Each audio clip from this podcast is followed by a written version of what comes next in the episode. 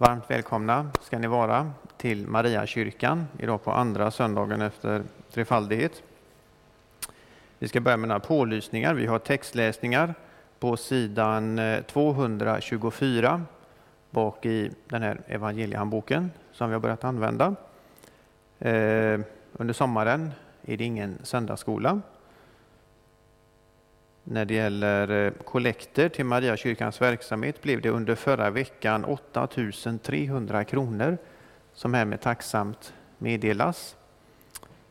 Vi tar återigen upp kollekt till denna församlings verksamhet och den anbefalles på det varmaste. Nästa söndag den eh, 3 juli då är det högmässa här och det är jag som leder den. Så eh, Sveinung har också gått eh, på semester, men är det något så ringer ni antingen till Lennart Nilsson eller så ringer ni till mig om det är en, ja, någon som undrar något eller vill eh, ja, prata om något eller hembesök eller något, ja, vad som. Så, det kan ju hända saker även under sommaren så, så kan ni kontakta mig eller Lennart Nilsson. Men innan vår gudstjänst nu så knäpper vi våra händer och så ber vi.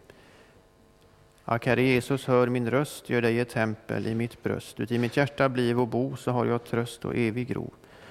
Nu tackar vi dig, Herre, för att portarna står öppna till denna helgedom och vi tackar dig att vi får komma samman här och fira gudstjänst. Vi tackar dig för denna nåd du visar oss. Fyll oss var och en med din heliga Ande och hjälp oss att ta vara på de möjligheter du ger oss. Vi tackar dig för att du söker oss och vill oss väl. Så ber vi om din välsignelse över denna gudstjänst och över alla som är här och alla som tittar via skärmar. Ber också om din välsignelse över denna stad och att ditt ord ska få nå ut över dessa bygder och ut över vårt land. I Jesu namn. Amen.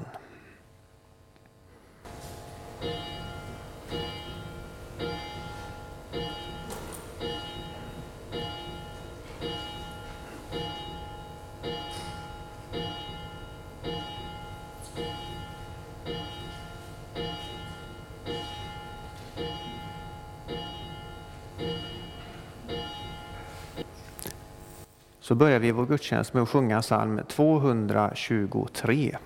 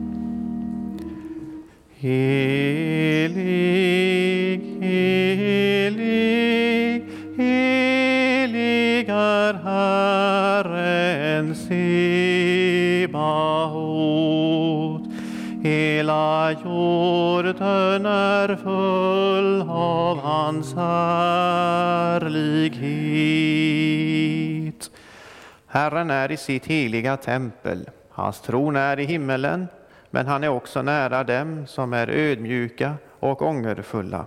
Han hör deras bekännelse och vänder sig till deras bön.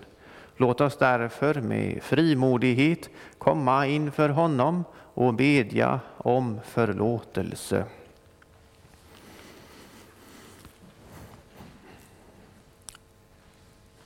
Jag, fattig, syndig människa, bekänner inför dig, helige och rättfärdige Gud, att jag som är född med synd på många sätt har brutit emot dig. Jag har inte älskat dig över allting och inte min nästa som mig själv. Mot dig och dina bud har jag syndat med tankar, ord och gärningar. Jag är värd att förkastas från ditt ansikte om du skulle döma mig som mina synder har förtjänat. Men du, käre himmelske Fader, har lovat att med mildhet och nåd ta emot alla som vänder sig till dig. Du förlåter dem allt vad de har brutit och försummat och tänker inte mer på deras synder. Detta litar jag på när jag nu ber dig om förlåtelse för min frälsares Jesu Kristi skull.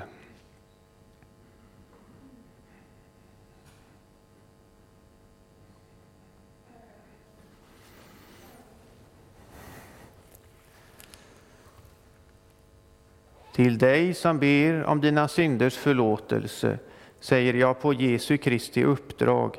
Dina synder är dig förlåtna i Faderns och Sonens och den helige Andes namn. Amen. Käre Fader i himmelen, vi tackar dig för syndernas förlåtelse genom Jesus Kristus, vår Herre. Amen. Helige Herre Gud, helige starke Gud, helige barmhärtige frälsare, du evige Gud, förbarma dig över oss. Herre, förbarma dig.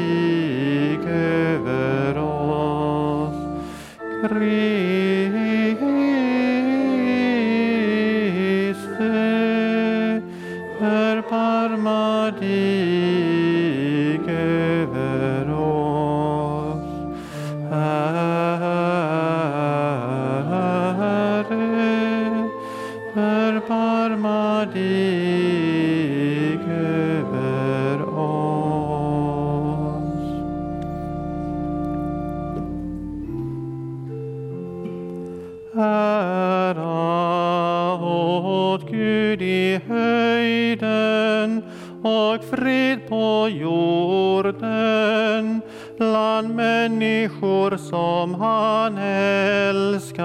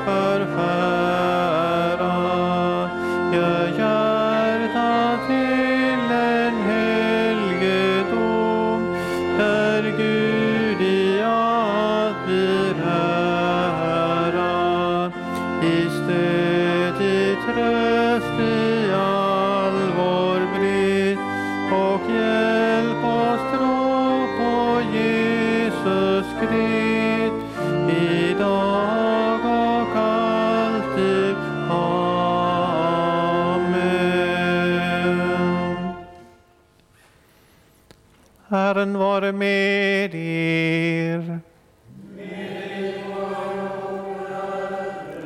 Låt oss bedja.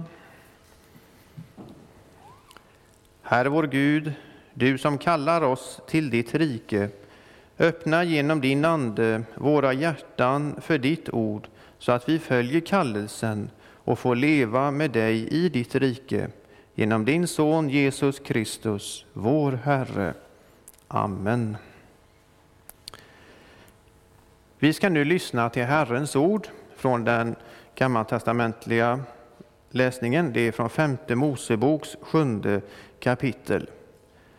Mose sa till Israel, du är ett heligt folk inför Herren din Gud. Dig av alla folk på jordens yta har Herren din Gud utvalt att vara hans egendomsfolk. Det var inte för att ni var större än alla andra folk som Herren fäste sig vid er och utvalde er. Ni var tvärtom mindre än alla andra folk, utan det var därför att Herren älskade er och höll den ed som han hade gett era fäder, som Herren förde er ut med stark hand och befriade dig ur träldomshuset, ur den egyptiske kungens hand, ur faraos hand. Och dagens epistel är från första Korinthierbrevets första kapitel. Bröder, se på er egen kallelse. Inte många av er var visa på världens sätt, inte många var mäktiga, inte många förnäma.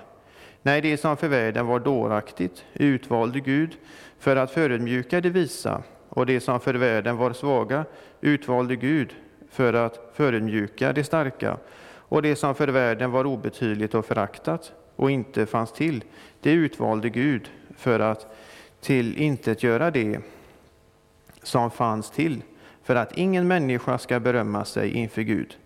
Tack vare honom är ni i Kristus Jesus. För oss har han blivit till vishet från Gud, rättfärdighet, helgelse och återlösning, för att det ska bli som det står skrivet. Den som berömmer sig ska berömma sig av Herren. Så lyder Herrens ord. Gud, vi tackar dig. Och så sjunger vi psalm 242.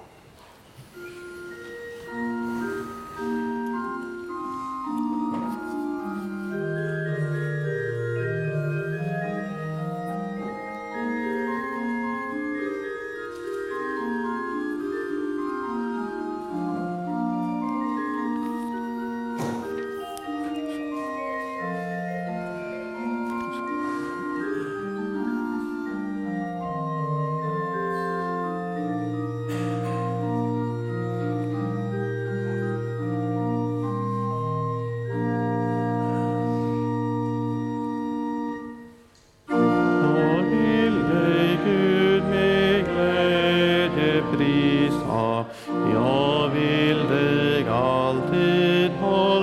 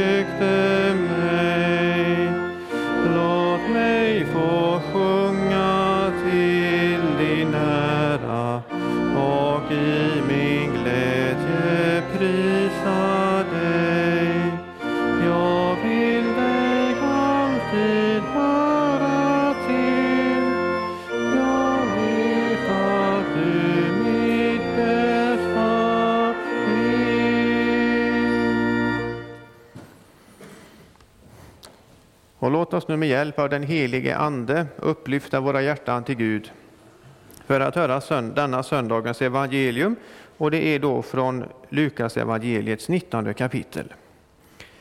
Jesus kom in i Jeriko och vandrade genom staden. Där fanns en man som hette Sackeus. Han var förman vid tullen och han var rik. Han ville se vem Jesus var men kunde inte för folkets skull eftersom han var liten till växten. Då sprang han i förväg och klättrade upp i ett mullbärsfikonträd för att se honom eftersom Jesus skulle komma den vägen. När Jesus kom till det stället såg han upp och sa till honom Sackeus, skynda dig ner, för idag måste jag gästa ditt hem. Sackeus skyndade sig ner och tog emot honom med glädje. Alla som såg det mumlade förargat, han eh, tog in hos en syndare. Men Sackeus stod där och sa till Herren, hälften av det jag har, Herre, ger jag till de fattiga, och har jag lurat någon på något betalar jag fyrdubbelt igen. Jesus sa till honom, idag har frälsning kommit till det här huset, för också han är en Abrahams son. Människosonen har kommit för att, uppsöka, för att söka upp och frälsa det som var förlorat. Så lyder det heliga evangeliet. Lovad vare du, Kristus. Och låt oss nu högt och gemensamt bekänna vår kristna tro. Vi tror på Gud Fader allsmäktig, himmelens och jordens skapare.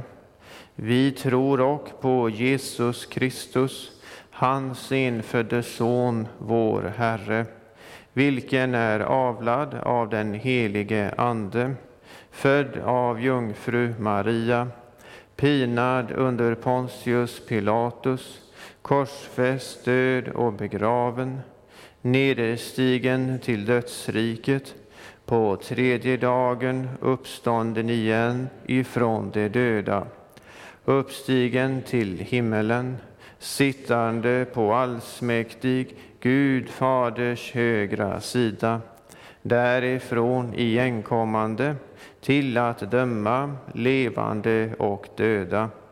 Vi tror och på den helige Ande, en helig allmännelig kyrka, det heliga samfund, syndernas förlåtelse, det dödas uppståndelse och ett evigt liv.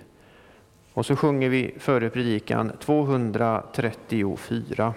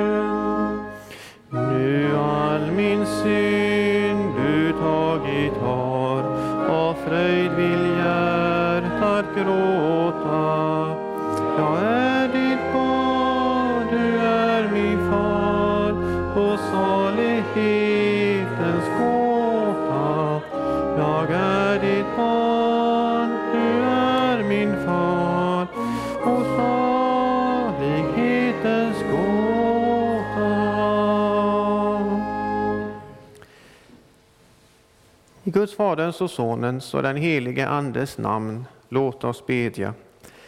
Vi beder dig så innerligt att du vår själ förunnar att alltid stärkt och mättad bli där man ditt ord förkunnar. Och låt oss här en skymd få se av dig och av din härlighet till fröjd för utan ände.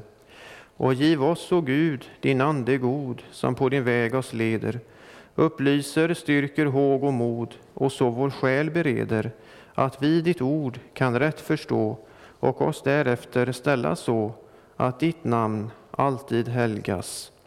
Amen. Han var rik.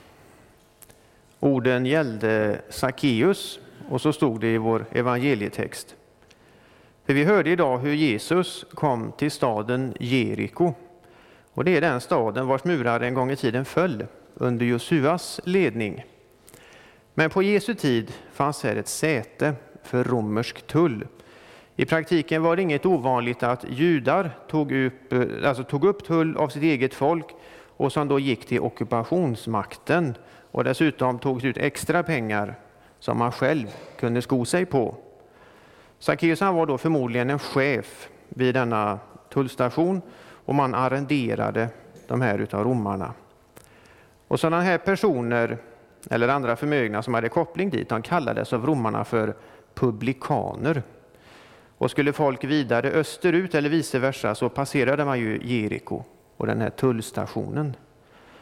Och landet Israel, det var ju löfteslandet. Vi läste om det förut i, från femte Mosebok där hur Mose talade. Och judarna, det var då Guds folk och de såg sig själva som Abrahams barn. Och från religionens vinkel, synvinkel så var det själva identiteten på Israel och hela judendomen. Och här har vi synagogor och templet som bildade denna kultur man levde i. Att det sedan då vistades eh, utöver ockupationen av landet så fanns det ju romare här och de var hedningar. Det var alltså hedningar i löfteslandet bland Guds folk. Och det är klart att det var ju inte populärt. Och när det sedan då var vanligt med utbredd fattigdom bland folket och romare mitt upp i detta eller vasaller till ockupationsmakten, till exempel Herodes eh, förstar av hans släkt, så är det inte svårt att räkna ut hur judarna då såg på dem av judisk härkomst som arbetade vid tullen. Man ansåg dem vara förrädare. Av romarna kallades de då för publikaner och av judarna för syndare. Och det här har vi har det så vanliga uttrycket då i Nya testamentet, publikaner och syndare. Och hit hörde Sackeus och han var mycket förmögen, men han var också hatad. Pengar är något som vi alla kommer i kontakt med, något som vi behöver.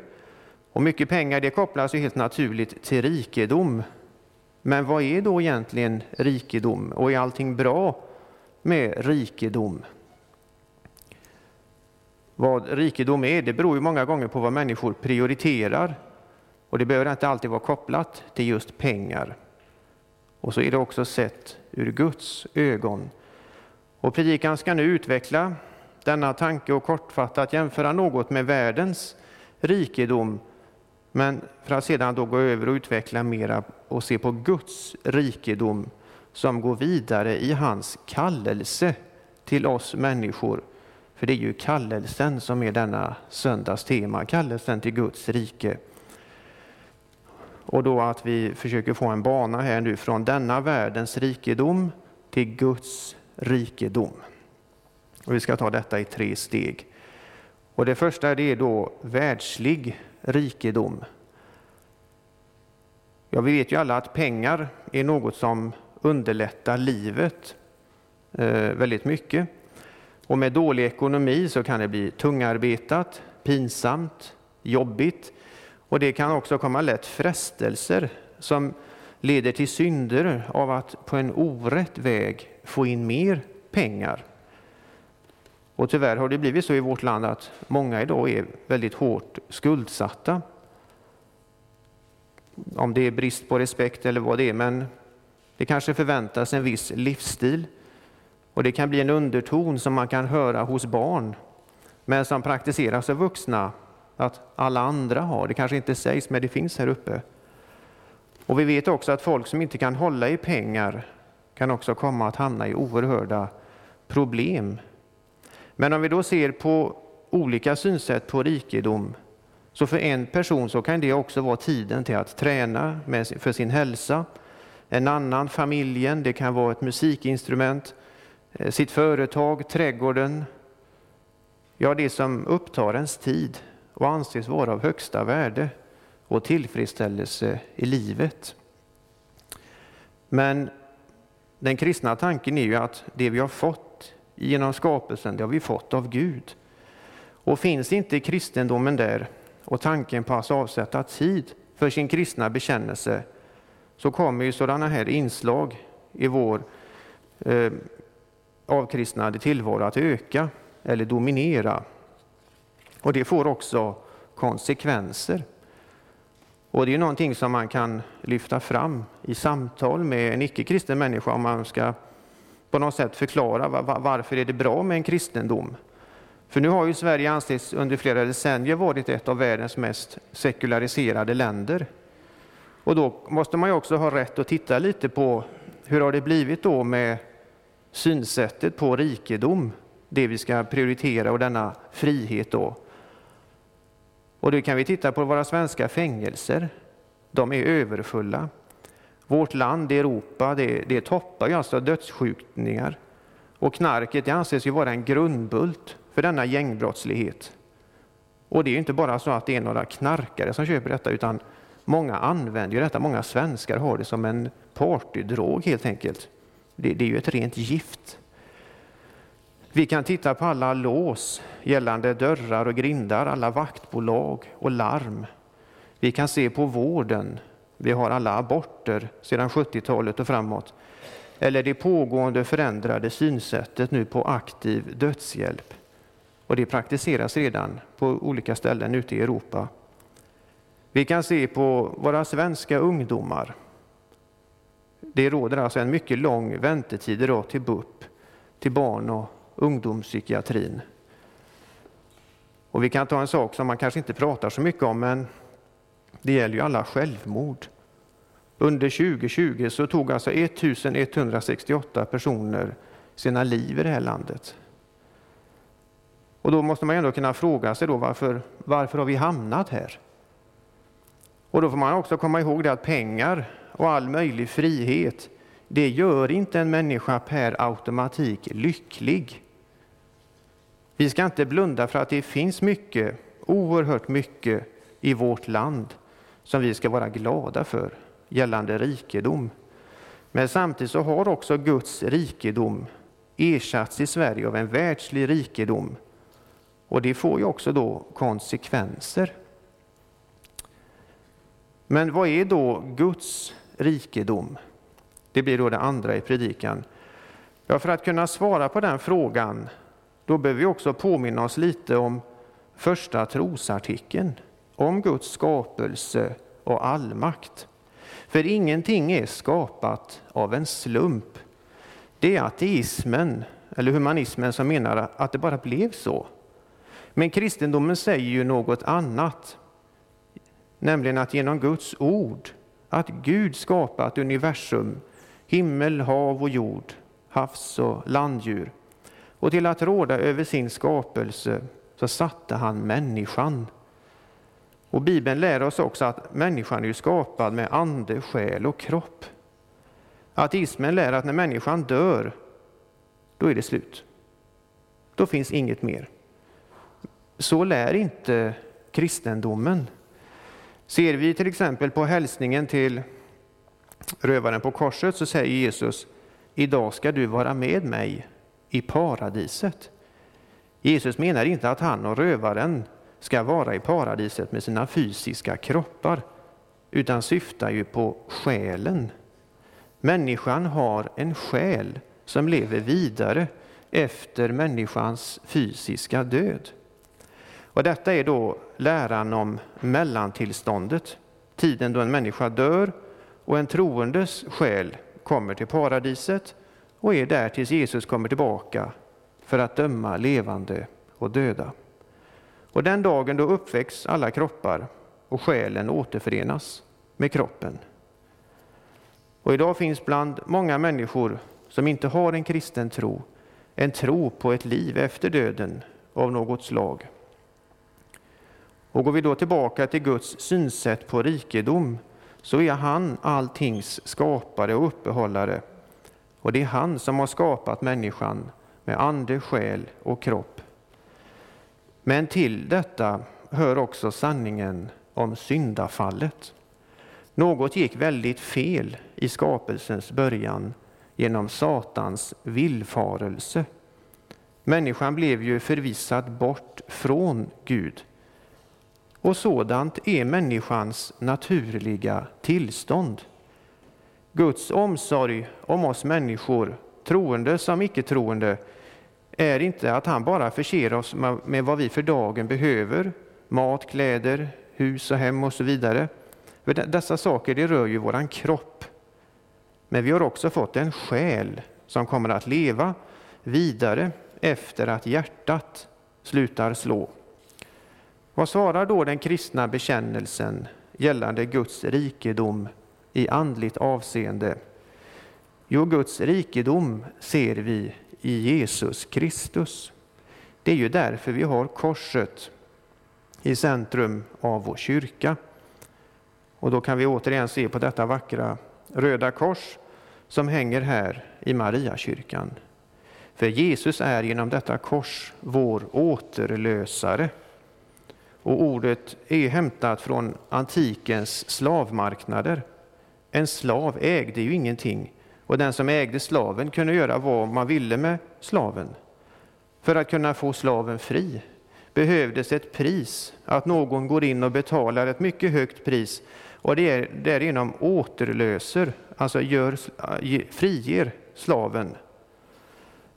Det finns en fin berättelse i Gamla testamentet.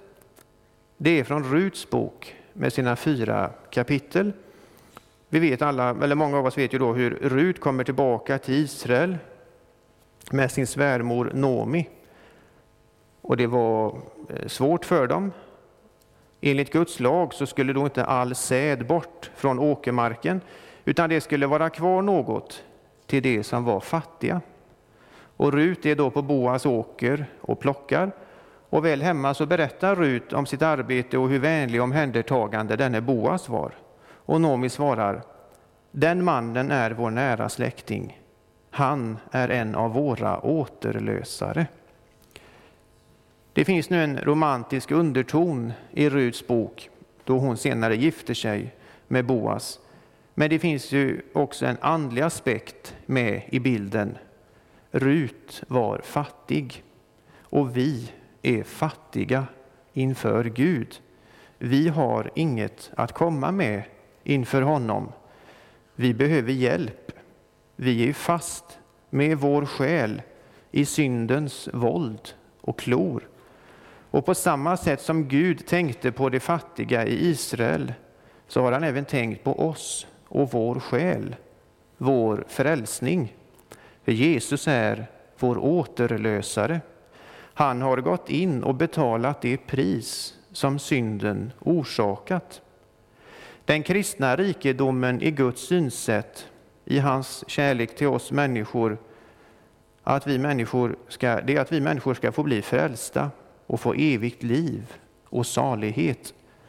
Och Jesus säger, sök först Guds rike och hans rättfärdighet, så ska ni få allt det andra också. Och det tredje och sista nu då, det blir, hur ser vi då Guds rikedom idag? Predikan började med en liten historiebeskrivning som mynnade ut i hur illa omtyckta publikaner och syndare var. Sackeus ansågs vara en förrädare. Och vidare nämndes det om världslig rikedom, hur det kan skifta i olika synsätt. Och att när man tar bort Guds tanke med gåvor och rikedom och ansvar och så vidare, så får det konsekvenser för människan. Man ersätter det med annat. Guds rikedom ser vi i första, andra och tredje trosartikeln. Men om vi håller oss till den första här, så är att Gud skapar, uppehåller och förser människan och att vi har ande, själ och kropp. Och själen lämnar kroppen efter döden och skall återförenas med kroppen vid Kristi återkomst. Guds andliga rikedom för vår själ ligger i Jesus Kristus. Han är vår återlösare. Och vi behöver detta. Andligt sett är vi genom syndafallet förrädare till Gud och har vänt honom ryggen. Människan kan alltså äga väldigt mycket, men inför Gud är hon före omvändelsen i samma position som Sackeus var i, till sina landsmän. Enligt Nya testamentet saknade de flesta av Sackeus landsmän denna andliga insikt. Men glöm inte, vi är återlösta av Gud genom Jesus Kristus. Det finns en annan rikedom att söka. Det finns fungerande församlingar. Och sådant ger avtryck även utanför den kristna gemenskapen. Människor som inte är kristna eller eh, kan ju inte blunda för att det är något med det som kallas kristna och bekänner sig till kristendomen. Tänker vi nu på Sackeus så måste ju han på något sätt eh, ha hört om Jesus sedan tidigare. Det stod ju om honom att citat, han ville se vem Jesus var. Hur kan man skriva så om man inte har hört något om en person innan? På något sätt hade ryktet om Jesus nått ända fram till honom. Det kan ha varit så att han innerst inne inte var lycklig. För jag menar, de flesta av oss behöver ju bekanta. En del är enstöringar, men de flesta behöver bekanta.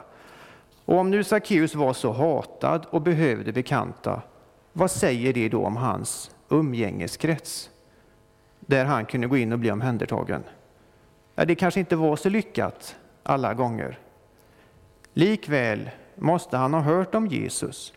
Kanske detta att han tog sig an människor, åt och umgicks med dem. Förr på västkusten så sa man innan en människa blev frälst, men kanske blivit intresserad eller fått upp ögonen för detta med kyrka, då, då, då kallar man detta för Guds nåderörelser eller nådeverkningar på en människa. Och det vi ser i texten, det är ju nåden. Det stod att Sackeus klättrade upp i ett mullbärsfikonträd för att se honom eftersom Jesus skulle komma den vägen. Det betyder att Sackeus behövde inte göra någonting. Och sådan är Guds nåd. Den är gratis, den är fri och läggs fram som ett erbjudande. Det är synden som lurar oss, att jag behöver göra det och det. Men så ska vi inte tänka, för, för Gud erbjuder oss frälsning och evigt liv genom Jesus. Vi ser också i texten Guds barmhärtighet. Det står inte att Jesus likt judarna förkastade Sackeus. Nej, utan han såg en längtan efter något annat. Jesus såg tron hos honom och sade Sackeus, skynda dig ner, för idag måste jag gästa ditt hem. Sådan är Herren Jesus. Han är full av nåd och sanning och har frälsning och evigt liv åt den som ångrar och tror. Hans äkta kärlek till oss människor gör att han inte kan gå förbi den som söker och längtar efter hans rättfärdighet. Det spelar alltså ingen roll hur andra ser på dig eller någon annan. Den som söker Jesus och frågar efter syndernas förlåtelse kan han inte gå förbi. Den som tar emot Jesus tar också emot syndernas förlåtelse. Andra kan rynka på näsan åt Guds barmhärtighet, för det stod ju i texten, alla som såg det mumlade förargat, han har tagit in hos en syndare. Så här ska vi inte tänka om människor som varit på fel väg, men som genom Guds nåd och barmhärtighet har vänt om till sin skapare och Gud. Det är ju inte vi som frälser varandra, utan det är Gud som frälser oss, var och en. En kristen människa tackar och prisar Gud då en människa blir väckt. Sackeus insåg att hans tidigare rikedom inför Gud i själva verket var hans största fattigdom. Han blev, som Jesus talar om, fattig i anden. Därigenom blev han mottaglig för en hjälp som denna världen inte kan ge. Denna andens fattigdom, det är ett tillstånd i människans själsliv. Den som är fattig, den behöver hjälp, har insett att jag har inget att komma med av mig själv, utan behöver en återlösare. Sackeus fick genom Jesus ett andligt uppvaknande när han förstod att Jesus ville komma till honom och sa då att hälften av det jag har, Herre, ger jag till de fattiga och har jag lurat någon betalar jag fyrdubbelt igen. Här ser vi hur det sker något med en människa som blir frälst, alltså går från fattigdom till rikedom. Tidigare levde han ett liv i mammondyrkan, alltså pengarna styrde. Kanske till och med så mycket att utpressning skedde.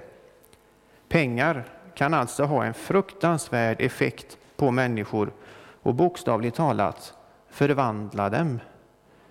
Samtidigt gör även Guds makt och kärlek avtryck hos en människa och därför ska vi inte misströsta. Det ser vi ju här nu hos Sackeus.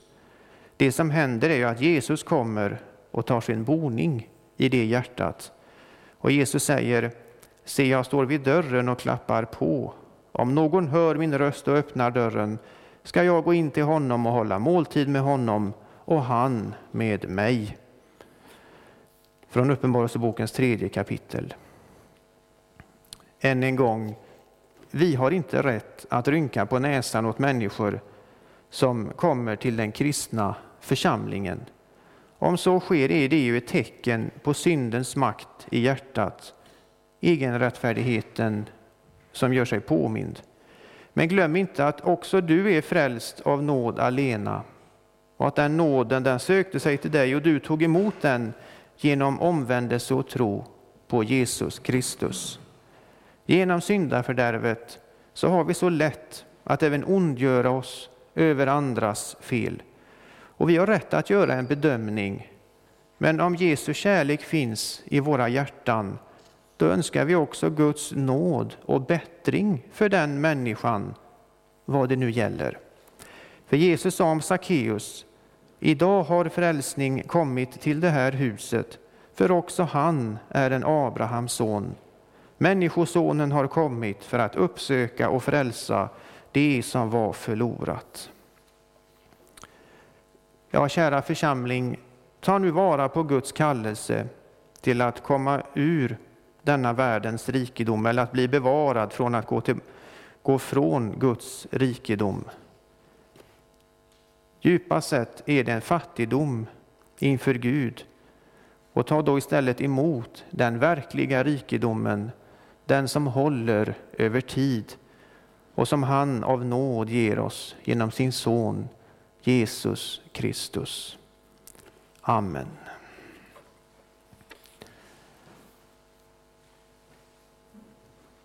Lovad vare Gud och välsignad i evighet, som med sitt ord tröstar, lär, förmanar och varnar oss.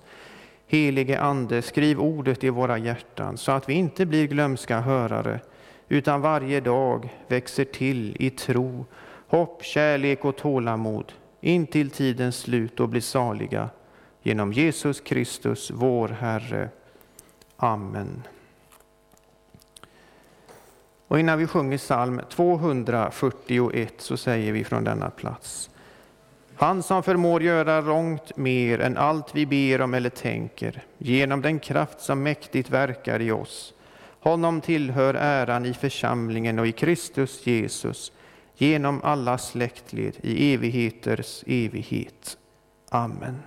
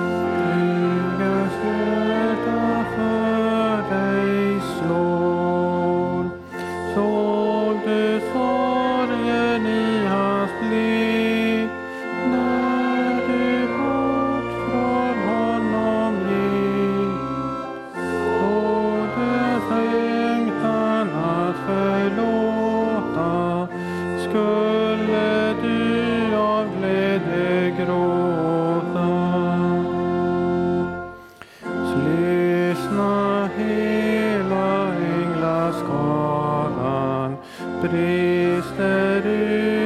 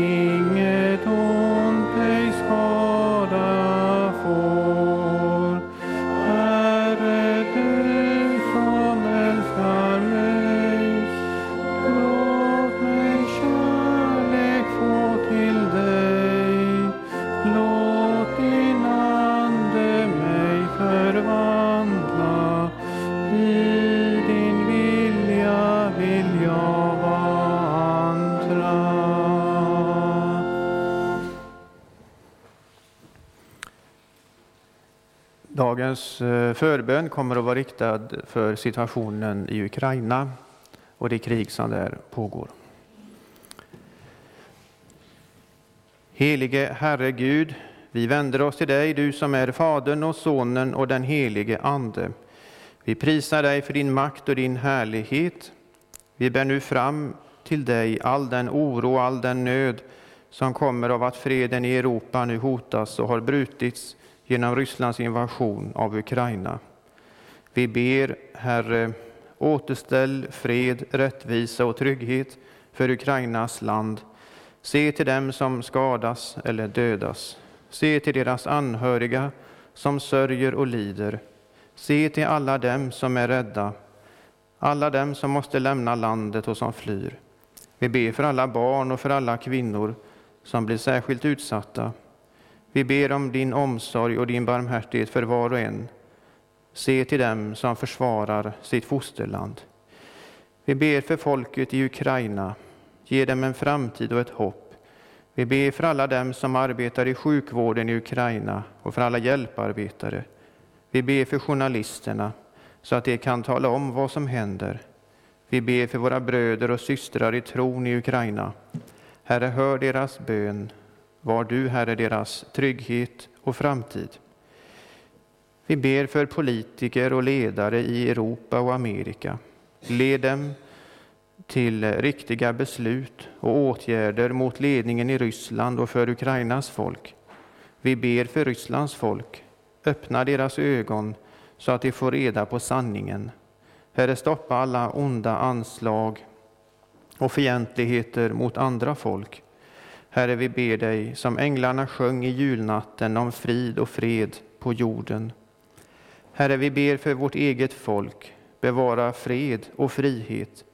Vi ber om beskydd för våra gränser. Vi ber för dem som är satta att försvara vårt land.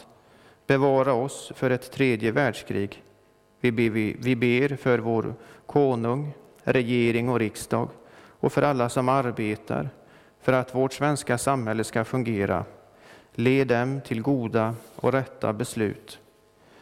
Käre himmelske Fader, vi ber, se inte på våra synder, utan se på oss genom din Son Jesus Kristus. Låt oss av nåd och genom din stora godhet få behålla fred och trygghet i vårt land. Håll rättvisa och sanning vid makt. Vi ber för oss alla. Sänd oss dina änglars beskydd dag och natt. Vi ber för vårt folk. Omvänd oss till dig, du vår frälsnings Gud.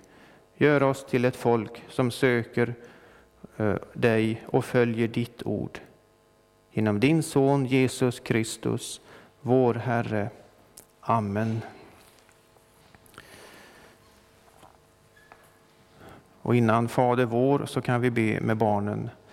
Gud som haver barnen kär, se till mig som liten är vart jag mig i världen vänder står min lycka i Guds händer.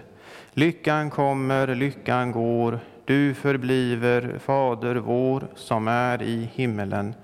Helgat var det ditt namn, tillkommer ditt rike.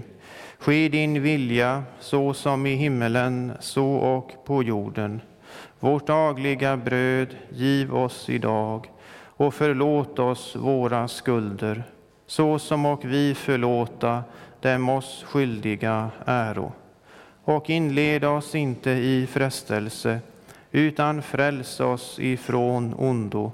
Ty riket är ditt och makten och härligheten i evighet. Amen.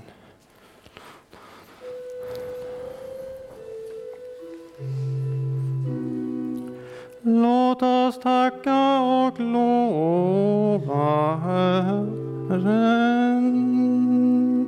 Ja, kom med det. Herren vare tack och lov. Halleluja, halleluja, halleluja. Tag emot Herrens välsignelse. Herren välsigne er och bevare er. Herren låter sitt ansikte lysa över er och vara er nådig. Herren vände sitt ansikte till er och give er frid. I Faderns och Sonens och den helige Andes namn.